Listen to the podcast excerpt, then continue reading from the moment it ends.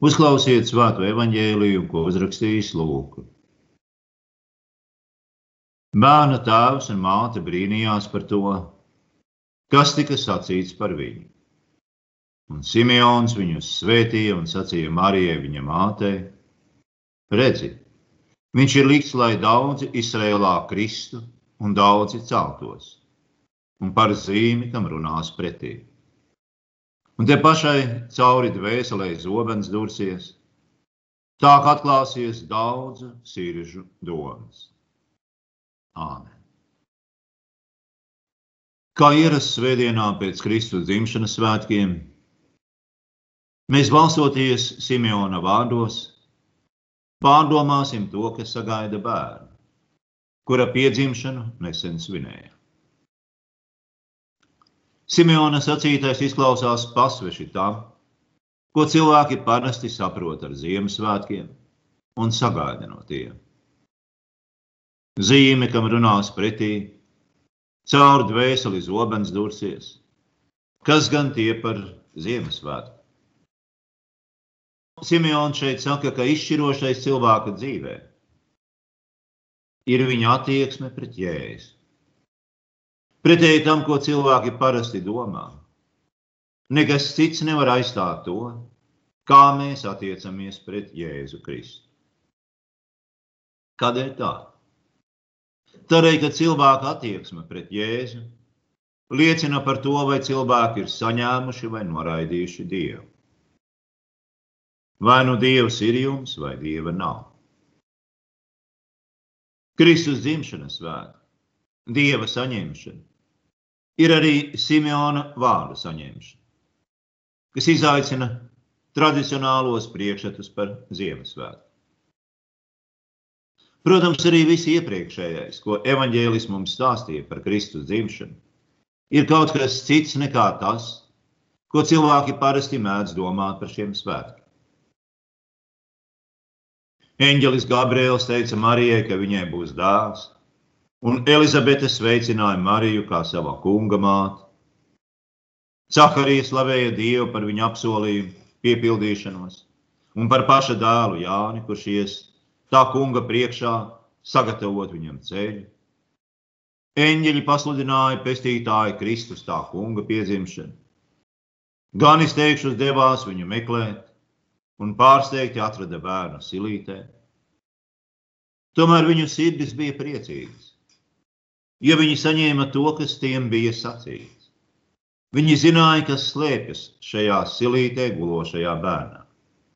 Jo šis bērns, saka Simeons, ir zīme. Zīme Bībelē parasti ir kaut kas, ko Dievs dara un dod. Tajā pašā laikā zīme ir īpaša. Tā slēpjas zem tā, kas pavirši raugoties, šķiet šīs zīmes pretstats. Tādēļ ar zīmi vai brīnumu vien nepietiek. Zīmes saturam ir jātiek atklātam, un to atklāja zīmi pavadošie dieva vārdi. Un tas nozīmē, ka zīme prasa ieklausīšanos un sacītā saņemšanu, jeb ticību. Dieva darbošanās pie mums šādā veidā pazemina mūs līdz tam, ka neesam nekas vairāk kā tikai un vienīgi saņēmēji. Nu, piemēram, Gānis saņēma eņģeļa vārdus un raudzījās uz silītē gulošo bērnu kā pestītāju, kurš ir Kristus tas kungs. Un arī Simeons saņēma no Dieva vārdu. Proti viņš nemirs, pirms savām acīm nebūs redzējis Mēsiju jeb Kristu. Ar katru dienu Simons kļuva vecāks un vecāks. Tomēr viņš cieši turējās pie dieva apsolījuma un gaidīja. Pacietīga gaidīšana ir viena no grūtākajām lietām, jo gaidīšana prasa stipru ticību. Simons gaidīja un sagaidīja. Un, kad Marijas bērna zīme parādījās templī, Simeons līksmo. Vēsts, kuru nesa šī zīme, bija: Tagad tu mirsi, un šis ir tavs pestītājs. Jēzus bērniņš ir Simeona nāves un pestīšanas zīme. Uz savu dzīvi un nāvi Simeons raudzījās caur šo dzīvi, un viņš aizgāja no šīs pasaules mierā. Priekš Simeona šis bērns bija dots viņa krišanai un celšanai. Tā bija Marija, kurai tika adresēts Simeona pravietojums. Un viņas bērns bija arī viņas krišanas un celšanas zīme. Marijai bija jāmācās, ka, lai gan viņai ir bērns, tomēr nevis viņš pieder viņai, bet viņa pieder šim bērnam. Dažreiz, kad Marija pauda mātēm raksturīgas prasības vai pārprata lietas, viņas dēls tūdaļ nolika viņu pie vietas saņēma sava dēla zīmi. Marijai nozīmēja ciest zaudējumu. Simeons viņai stāstīja par zobenu, kas caurdūrs viņas dvēseli, un mūsu domas tūdaļ pievēršas mātei, kuras stāv pie sava dēla krusta.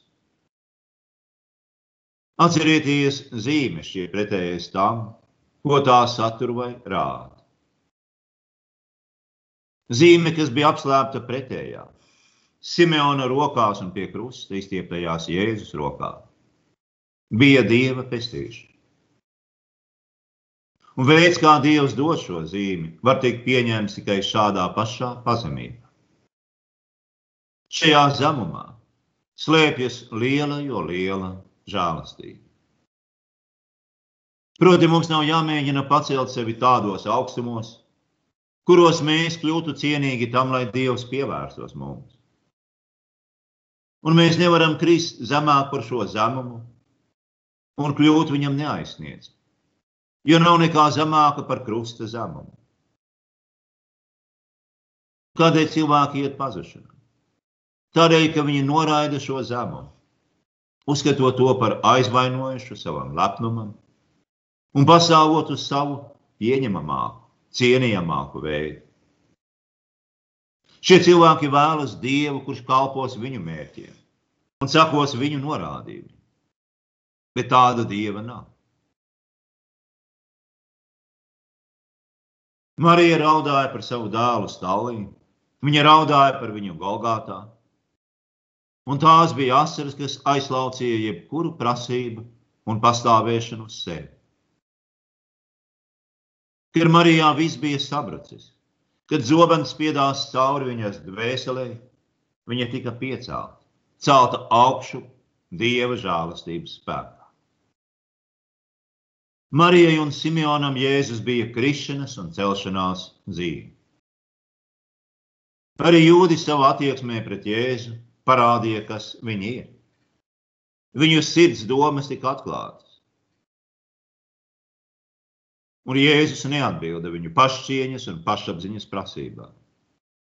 Viņiem nebija nekā, ko varētu iesākt ar šādu zemu, vāju un nožēlojumu Kristu.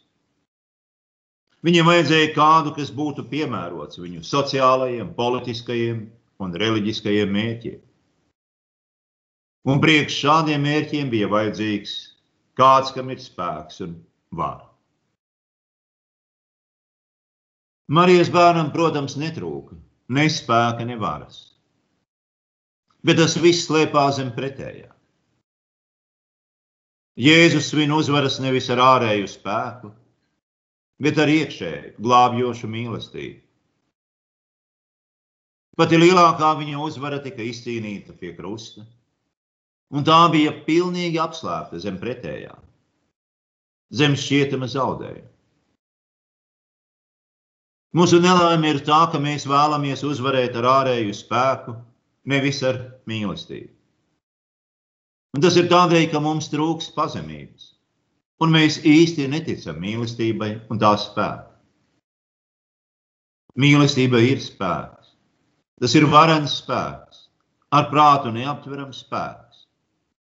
Un tas ir vienīgais glābjošais spēks. Bet mīlestība uzvar citādi nekā ārējais varas spēks, taisnīguma un pašcieņas izpratne. Tas, kurš domā taisnīguma un pašcieņas kategorijās, neko nezina par mīlestību. Un tas ir pats bēdīgākais, kas ar cilvēku var notikt. Mūsu prātam ir grūti pieņemt, ka pilnīga taisnība var būt vislielākā netaisnība. Un, ja pret mums tiktu izvirzītas pilnīgas taisnības prasības, mums visiem būtu jāmirst. Bez izņēmuma. Diemžēl tas ir veids, kā mēs domājam par citiem. Sagaidot un pieprasot no tiem to, ko paši īsti nekad nedarām un nespētu un negribētu darīt. Tikai retais apzinās, ka šādas paštaisnas domas ir nāves domas.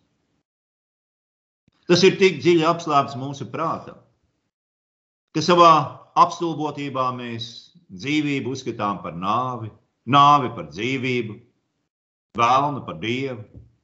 Un mūsu tā saucamā mīlestība ir nekas vairāk kā skaistiem vārdiem un patmīlīgām domām izpušķots egoists.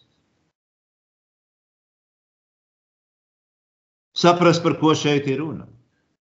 Mums palīdz ķēniņš uz ēzeļa muguras, un ķēniņš, kura tronis ir Golgātas krusts. Daudz Izrēlā runāja pretī šai zīmei, un klupa un krita. Un tomēr tas nebija nekas jauns un nedzirdēts. Jo runājot par šo zīmi, Simons lietoja vārdus no Iesaijas pravietoja. Immanuēls, Dievs ar mums. Un tad, kad Dievs ir ar mums, kad Viņš dara savu darbu pie mums, tad tā ir vainu tiesa un pestīšana, krišana un celšana. Vai arī tā ir tikai krišana, tikai tiesa. Kad Dievs kaut ko dara pie mums un ar mums, tad mums tiek atklāts un rādīts tas, kas mēs patiesībā esam. Kad Dievs kaut ko dara pie mums, tad mūsu sirdžu domas top atklātas. Un ja mēs pieķeramies savām domām, saviem uzskatiem par Dievu un to, ko Dievam vajadzētu mūsu labā darīt, tad ar mums ir cauri. Tad mēs paliekam zem viņa tiesas sprieduma. Ja mums ir parādīts, kas mēs esam, un mēs tiekam vaļā no tā, topot šķīstīti caur grēku, nožēlu un piedošanu, tad saņemam pestīšanas dāvanas kas mūs pieceļ un paceļ. Un šīs dāvanas nāk ar šķietami nepiemērotu zīmi. Klusi raudošu bērnu Simeona rokās, pie krusta mirstošu vīru, kristības ūdeni, grēku atlaišanas vārdiem, maizes un vīna zīme. Grāksūdzē mēs krītam bet tiekam tūdaļ piecelti un darīti dzīvi ar piedošanas vārdu. Mēs saņemam Kristus miesas un asins dārgumus apslēptus neievērojamā maizes un vīna zīme. Zīme satur un sniedz Kristus miesu un asins. Kā tu atklāji, tā vārdi, kas šo zīmi pamata. Tas notiek vienalga, vai jūs tam ticat vai neticat. Vai jūs krītat un ceļaties, vai tikai krītat? Tikai krišana ir lepnība, kas nevēlas krist grēksūdzē. Un tā ir augstprātīga pārgudrība, kas nevēlas vakarēdienā redzēt neko vairāk par maizi un vīnu un psiholoģisku efektu. Ja dieva vēstneši bija tie, kas atklāja to, kas ir apslāpts Marijas bērnā, Tad paša Kristus vārdi ir tie, kas atklāja to, kas ir apslēpts kristībās, grēku atlaišanā, maizē un vīnā. Tur apslēpts ir Kristus krusts un augšām celšanā. Kristus miesa, kas par mums nodota nāvē pie krusta, un asinis, kas izlietas mūsu grēku piedošanu. Tas ir apslēpts. Tādēļ mēs to arī saucam par noslēpumu, sakramentu. Noslēpuma plīvuri paceļ vārdi par jums dota un jūsu grēku piedošana. Šos vārdus vienmēr vajag atcerēties un paturēt prātā. par jums dota un jūsu grēku piedošana. Jo Kristus nemirst pie krusta sevis, bet mūsu dēļ. Viņa zemums, pacietība, ciešanās un nāve ir mīlestības spēks. Ne sevis, bet mūsu dēļ. Tas, ka viņa nāve pie krusta ir mūsu dēļ, nozīmē arī to, ka tā nav filozofiskas apceres temats, bet tai ir jākļūst arī par mūsu, mūsu nāvi mūsu vecā cilvēka nāvi. Simeons atvēra savu pestītāju ar bērna zīmi. Un šī zīme atnesa viņa nāvi, bet vienlaicīgi arī glābšanu.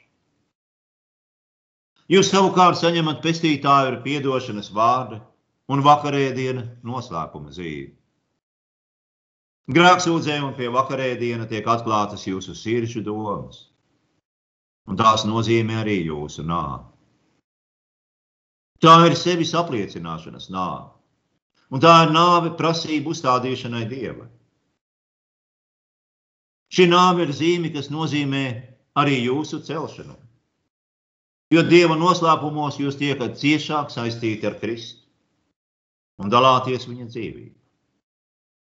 Bez šīs nāves nav dzīvības. Tā ir dzīvība, kuru nevar iznīcināt neviens obens, nedz arī kāds cits spēks vai vara. Un tas ir Simona prieks un līgsmība. Un tajā mēs līdzi priecājamies ar viņu un visiem praviešiem un svētajiem, kad pēc grēku atlaišanas un vakarēdiena tiekam sūtīti prom ar mieru. Ejiet ar mieru. Tie nav gadījuma rakstura vārdi vai tikai rituāla forma. Šie vārdi apliecina, ka esat miruši vecajai nemiera pilnajai dzīvei un celti augšā miera un prieka pilnai dzīvei. Tas ir miers un prieks mūsu dārgajā pestītājā, kurā mums ir krišana un celšanās, mūsu aiziešana un mūsu pestīšana. Āmen!